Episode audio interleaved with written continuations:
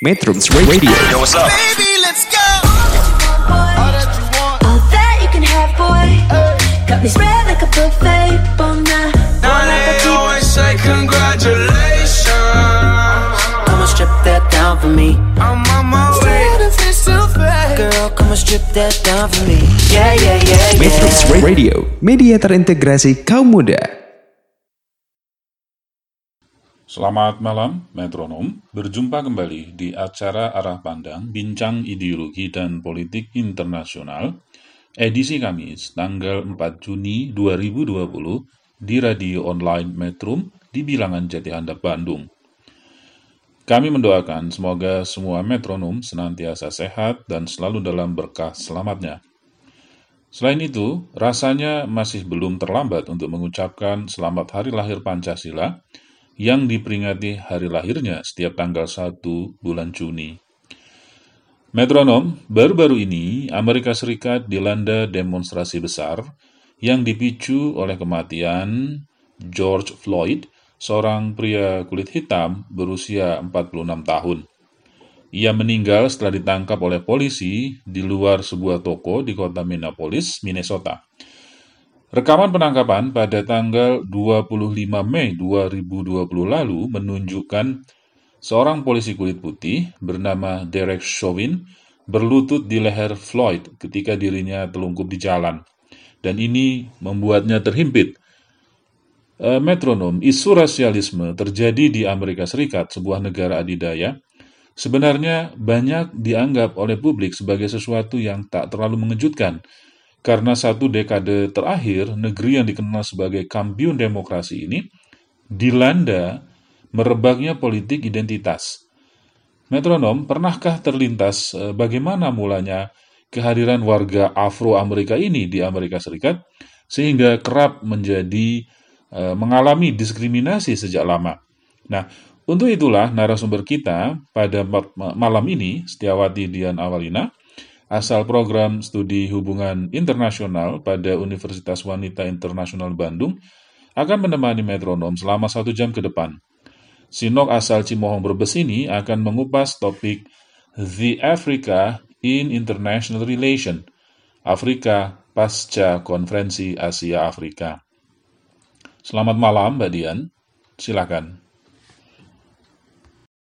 Ya, selamat malam buat teman-teman metronom dan juga selamat malam ya Pak Desmond. Terima kasih. Nah, topik acara eh, arah pandang di Bincang Ideologi dan Politik Internasional pada Kamis ini eh, adalah The Africa in International Relation atau Afrika Pasca KAA. Nah, topik eh, kali ini memang merupakan eh, edisi pertama ya perdana dari rangkaian pembahasan yang akan kita bahas nanti beberapa minggu ke depan dan sebelum-sebelumnya selama hampir 5 edisi metronom juga udah disuguhinnya 5 topik seputar konstelasi politik kawasan Timur Tengah. Jadi kalau kemarin kita bahas tentang Timur Tengah, sekarang kita berpindah ke Afrika. Nah, jadi eh, alasan pergeseran topik dari Timur Tengah lalu ke Afrika adalah dua kawasan ini memang kerap dikaji secara bersanding Nah, karena tidak dipungkiri baik secara geografi dan juga isu kedua kawasan ini terkait satu sama lain. Selain dekat secara letak, ada sejumlah isu yang saling mempengaruhi di kedua kawasan ini. Ya, mungkin misal misalnya adalah eh, dalam kegiatan kajian politik kawasan aja ya, hingga saat ini masih sering dua kawasan ini dilihat dalam satu perspektif. Afrika Utara yang mayoritas memeluk agama Islam Nah, diidentikan dengan kawasan Timur Tengah, padahal secara geografis negara-negara di subkawasan utara Afrika ini berada di Afrika. Nah, demikian pula dengan Mesir, Sudan, dan juga Libya yang juga sering dinisbatkan ya kadang-kadang sebagai negara-negara kawasan Afrika. Lebih khusus lagi bagi eh, kawasan subkawasan dari eh, Sahara Afrika. Jadi di sisi lain karena ada istilah subkawasan Afrika Sahara, maka konsekuensinya ada pula istilah subkawasan Afrika Sub-Sahara yang meliputi banyak negara. Nah, selain itu, Afrika kerap dipandang dalam dua citra, yakni citra era Perang Dingin dan juga citra pasca Perang Dingin. Nah, dua citra ini nih yang sering ya menyulitkan bukan aja negara-negara di kawasan Afrika sendiri, tapi juga negara-negara lain di luar Afrika yang memang terjebak pada citra lama Afrika sehingga tertinggal merespon dinamika kawasan Afrika yang lebih modern ya. Nah, untuk terkait ini, uh, melalui acara program Arah Pandang, saya akan mencoba ya sedikit mengupas saja tentang uh, Afrika ya, dan saya harap ini menjadi sesuatu yang baru dan sesuatu yang juga dapat bermanfaat ya untuk teman-teman metronom. Nah, mungkin kita akan bahas lebih lanjut ya, karena memang digadang-gadang katanya untuk benua Afrika ini dan juga Asia Pasifik yang katanya akan menjadi uh, masa depan ekonomi dunia. Jadi uh, sebetulnya ini sangat menarik ya dan saya berharap sih untuk teman-teman HI ya khususnya bisa mendengarkan acara ini sampai selesai karena memang ini temanya HI sekali. Jadi ya ini sangat bermanfaat ya menurut saya. Jadi mungkin itu saja dan kita akan lanjut lebih detail di sesi berikutnya. Oh ya, jangan lupa kembali eh, kami ingatkan kepada metronom bahwa Radio Metrum dapat didengarkan melalui mengunduh aplikasi Android Metrum Radio di Play Store Metronom, satu aplikasi menjelajah berbagai platform. Bagi pengguna perangkat Apple, dapat menyimak program arah pandang melalui App Store online, Radio Box, Radiosnet, atau Radio.net. Atau bisa juga metronom eh, menyimak talk show ideologi dan politik internasional ini melalui metrum.co.id atau melalui Radio Garden atau melalui aplikasi radio lainnya. Bisa search saja Metrum Radio. Metronom dapat mendengarkan ulang rekaman talkshow berupa podcast di beberapa aplikasi podcast bagi pengguna perangkat Android maupun Apple. Caranya, search saja Metrum Radio. Sampai bersua kembali di sesi kedua. Metrums Radio Media terintegrasi kaum muda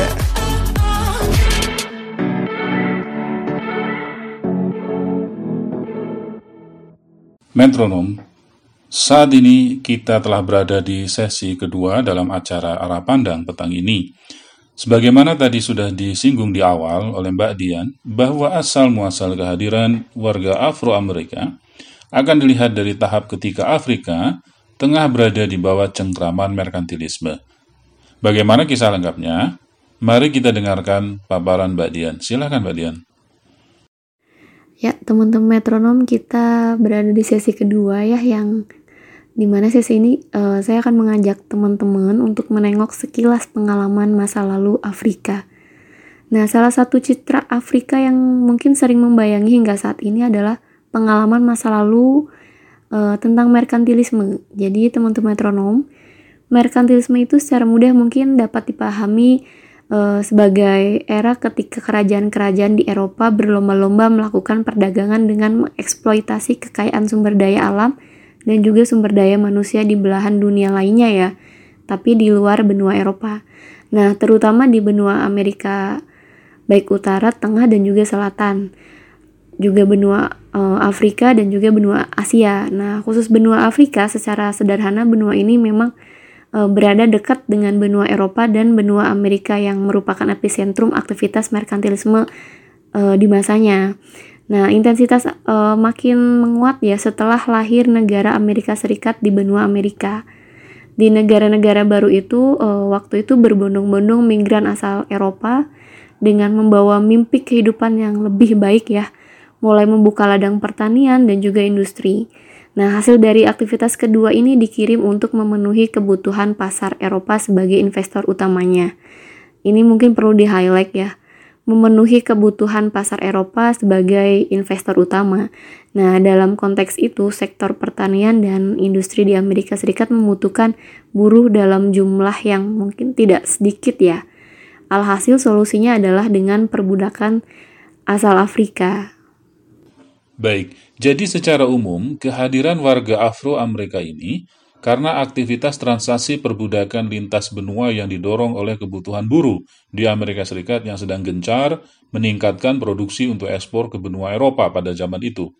Kalau boleh dilihat dari motifnya, ini tak lebih dari motif ekonomi dan mengejar distribusi produksi serta nilai lebih, dan mengesampingkan aspek relasi produksinya, Baik, lantas selanjutnya bagaimana kisah perbudakan ini di belahan bumi Amerika Serikat, Mbak Dian?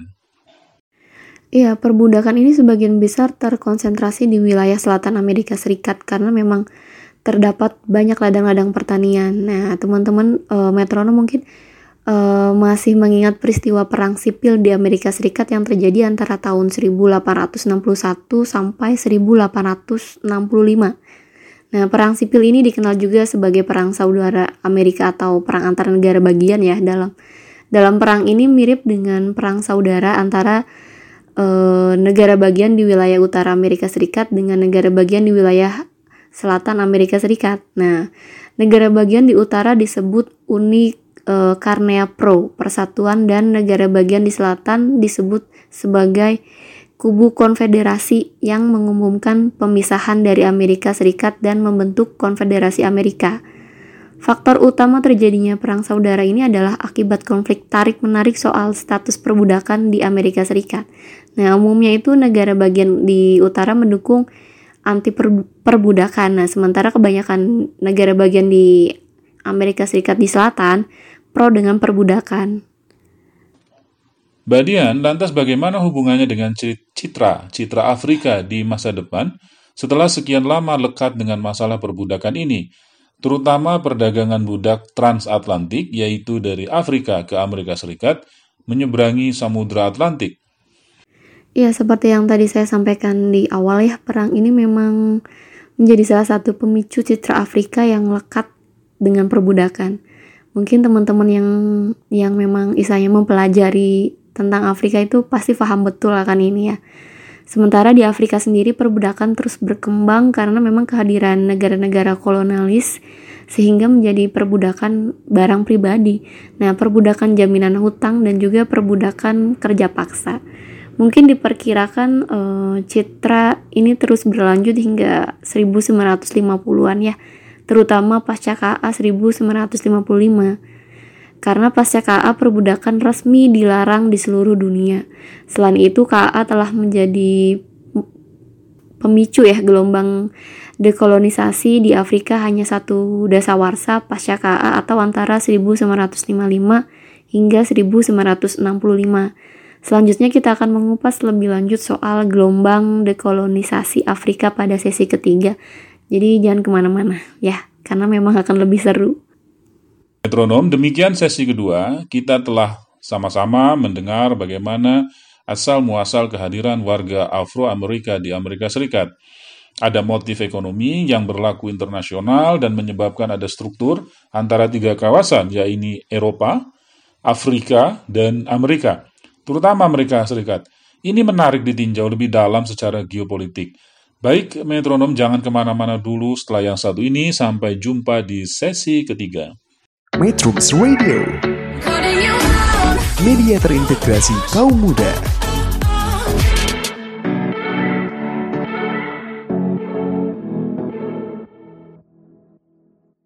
Metronom tiba di sesi ketiga acara arah pandang Kamis petang ini. Dalam sesi ini, paparan Mbak Dian dikatakan akan beralih ke periode lebih lanjut dalam sejarah politik kawasan Afrika, yaitu periode Perang Dingin. Periode ini kalau tidak salah sama bahayanya, sama beresikonya dengan periode sebelumnya yang dihadapi Afrika yaitu periode merkantilisme. Tapi lebih lanjut akan dikupas oleh Mbak Dian. Silakan. Ya, Afrika di era Perang Dingin. Posisi Afrika dalam konstelasi global memang dipengaruhi oleh dua hal ya, yaitu dampak KA dan juga perubahan sikap Amerika Serikat dalam memandang sisi geostrategi dari kawasan Afrika ini. Nah, dua hal ini sebenarnya secara dialektis tidak dapat dipisahkan satu sama lain karena memang sikap AS baru berubah terhadap Afrika setelah gelombang dekolonisasi hasil KM yang di Afrika. Nah, merujuk dari buku Will dan Sena utama yang berjudul Warisan Intelektual KA, pada masa awal Perang Dingin, Afrika kurang mendapatkan perhatian dari Amerika Serikat sebagai aktor utama blok barat yang terlibat dalam ketegangan Perang Dingin.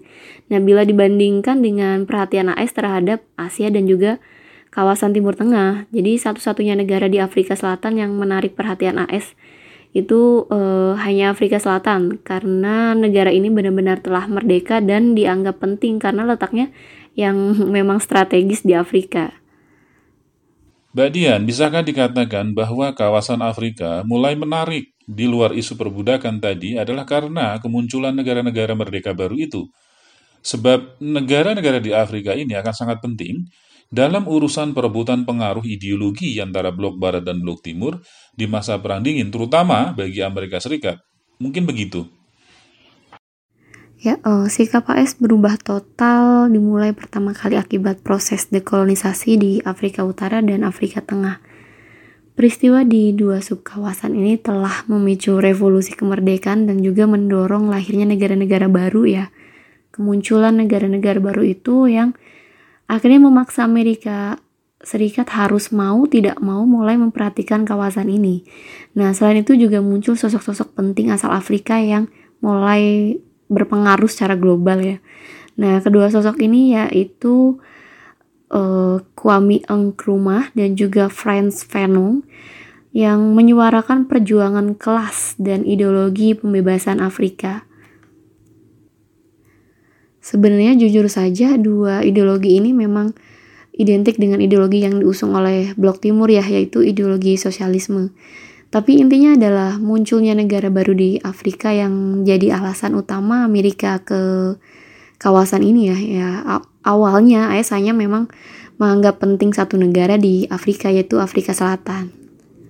Baik, yang pertama Afrika Selatan yang dilirik oleh Amerika Serikat dan lantas kemudian pasca konferensi Asia Afrika AS Amerika Serikat maksudnya melirik banyak negara baru merdeka di Afrika. Mungkinkah demikian konstelasi yang terjadi pada saat itu?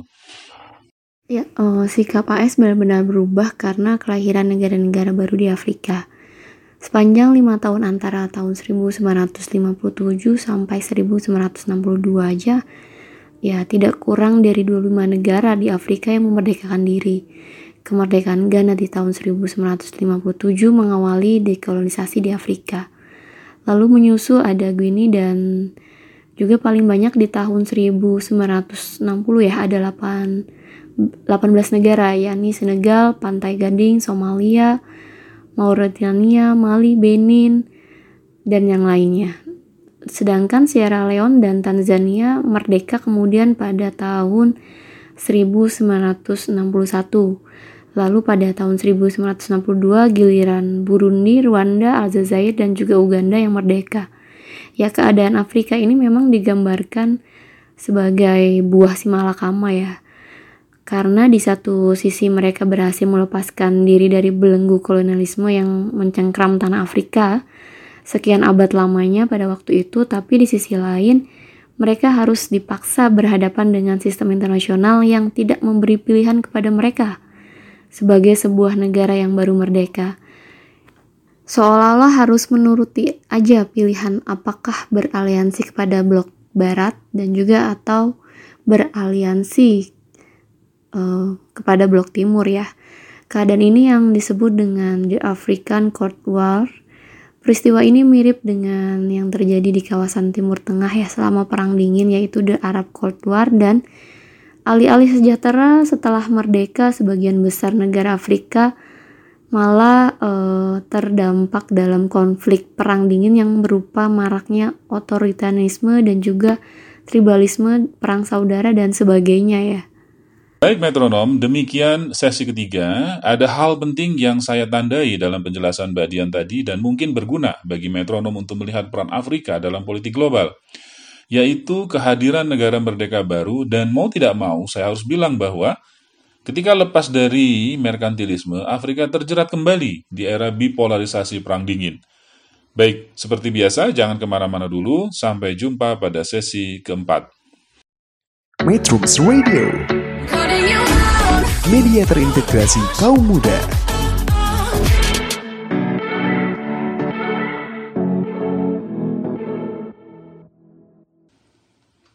Metronom, tibalah kita di sesi penghujung, sesi keempat. Badian dalam sesi ini, kalau tidak salah, akan mengajak metronom melihat Afrika di periode pasca Perang Dingin. Silahkan. Ya, uh, Afrika pasca Perang Dingin ada satu peristiwa di masa Perang Dingin yang berdampak luas pada stabilitas kawasan Afrika kemudian hari. Nah, ini yang tadi saya sampaikan di sesi ketiga. perang dingin merembes ke Afrika, sesuatu yang tak terelakkan lagi ya. Kehadiran negara baru di Afrika telah memancing perilaku Amerika Serikat untuk meraup pengaruh di kawasan ini. Nah, perilaku AS ini mendapat respon dari rival ideologinya yaitu Uni, Uni Soviet pada waktu itu yang merupakan aktor utama Blok Timur. Nah, konsentrasi antara dua aktor utama ini merembes jauh sampai ke dalam kehidupan politik masing-masing negara di Afrika yang baru lahir itu. Ya alhasil kubu blok barat dan kubu blok timur telah memecah belah pula negara-negara di Afrika. Nah, mereka yang pro terhadap blok barat dikenal sebagai kelompok Monrovia dan sebaliknya mereka yang pro terhadap blok timur dikenal sebagai kelompok Casablanca. Baik, ini tajam sekali. Apa yang maksud saya yang yang saya maksudkan tajam? dampak sistem internasional bipolar, ya, kontestasi antara blok barat dan blok timur, ini dampaknya tajam sekali, terutama terhadap kemunculan berbagai konflik regional di kawasan Afrika. Nah, eh, terkait ini, bagaimana nasib konflik di Afrika ini selama selama era itu? Iya, uh, perpecahan ini memang tidak berlangsung lama ya, karena memang berhasil diatasi. Nah, salah satu tokoh Afrika yang paling berpengaruh dalam menyelesaikan masalah ini adalah pemimpin dari uh, Ghana, yaitu Kwame Nkrumah sebagai pemimpin Ghana. Nah, Kwame Nkrumah ini mendorong semua negara yang berkonflik untuk rukun dalam konsep yang memang ia dengung-dengungkan sebagai the United States of Africa Nah, dalam konsep itu Kwame Nkrumah ingin menghindari semua perbedaan yang melingkungi negara-negara Afrika dalam suatu wadah federalisme kawasan yang ia sebut sebagai the United States of Africa. Nah, karena gagasan ini Kwame Nkrumah dikenal seantero dunia ya sebagai the father of Africa. Nah, dampak yang lain dari rukunnya negara Afrika pasca konflik antar kubu Monrovia dan Casablanca adalah lahirnya sebuah organisasi organisasi kawasan Afrika yang dinamai sebagai The Organization of Africa Union ya. Nah, dalam perjalanannya di masa Perang Dingin diakui memang tidak banyak berkontribusi terhadap keamanan dan kesejahteraan kawasan karena memang uh, kuatnya pengaruh persaingan kubu blok barat dan blok timur. Nah, banyak konflik lokal di Afrika juga yang dipicu oleh ketegangan sistem internasional bipolar ini. Nah, berbagai kejadian muncul otori otoritarisme di Afrika serta kuatnya peran para warlord dan neopatrimonialisme adalah sedikit contoh nih bagaimana rumitnya kawasan ini. Belum lagi sejumlah negara yang baru merdeka. Nah, mereka itu kembali mengalami ketergantungan terhadap negara bekas penjajahnya. Yang menarik adalah eh, Selain aktor-aktor yang terlibat dalam Perang Dingin mewakili Blok Barat dan Blok Timur di tanah Afrika, apakah ada aktor internasional lain selain kedua aktor utama ini yang bermain di Afrika di masa itu? Karena eh, akhir-akhir ini kita melihat Afrika sangat kental ya dengan keterlibatan sejumlah negara Asia. Mungkin mungkin ada sesuatu yang yang apa terjadi di masa lalu hingga kemudian bisa dilihat eh, dampaknya pada hari ini. Silahkan. Ya, uh, yang di luar dugaan adalah pengaruh dari RRC ya atau Republik Rakyat China di Afrika. Nah, RRC yang sedang berusaha keras mendapatkan aliasi sebanyak-banyaknya di masa perang dingin memang uh, tercatat sangat aktif melakukan pendekatan secara pembukaan hubungan diplomatik dan bahkan mengucurkan bantuan dana ke sejumlah negara Afrika. Nah, seiring berakhirnya perang dingin, Afrika juga turut berubah. Salah satu hal yang paling mencolok adalah mulai redanya konflik regional. Mulai negara demokrasi di Afrika dan bonus demografi yang meningkat ya sebagai hasil perbaikan fasilitas kesehatan seiring redanya konflik. Dan juga ada transformasi The Organization of Africa Union menjadi The African Union. Jadi perbedaan antara keduanya adalah pada sisi modernitas dan organisasi kawasan yang memang uh, lebih banyak menekankan pada aspek kerjasama yang nyata dan saling menguntungkan. Nah, mungkin uh, sekian dari saya yang bisa saya paparkan untuk petang ini. Semoga bermanfaat ya untuk teman-teman metronom dan terima kasih juga untuk Pak Desmond ya. Uh, kita sama-sama belajar ya teman-teman metronom dan semoga kita akan terus belajar dan terus belajar dan ya karena memang harus tetap belajar ya selama memang kita masih dikasih umur yang panjang, selama kita masih diberikan kesehatan. Jadi tetap belajar. Sekian dari saya. Wassalamualaikum warahmatullahi wabarakatuh. Metronom, selesailah sudah sesi keempat dan tentu saja ini menandai berakhirnya acara arah pandang edisi Kamis tanggal 4 Juni 2020. Saya menangkap beberapa hal yang mungkin penting bagi metronom dalam memahami Afrika.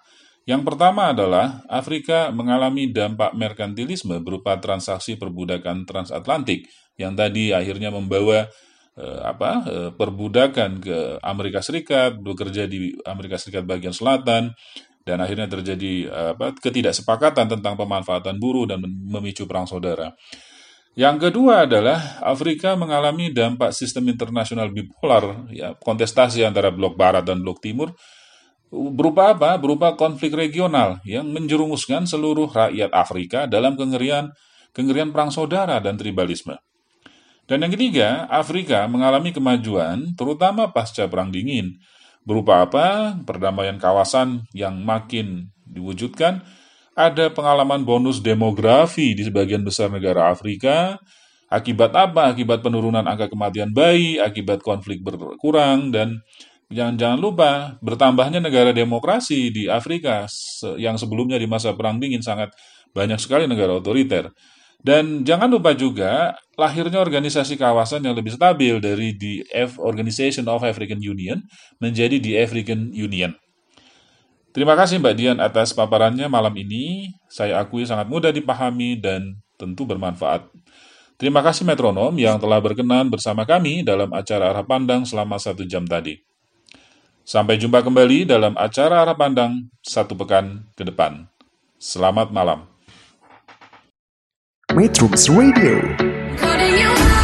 media terintegrasi kaum muda.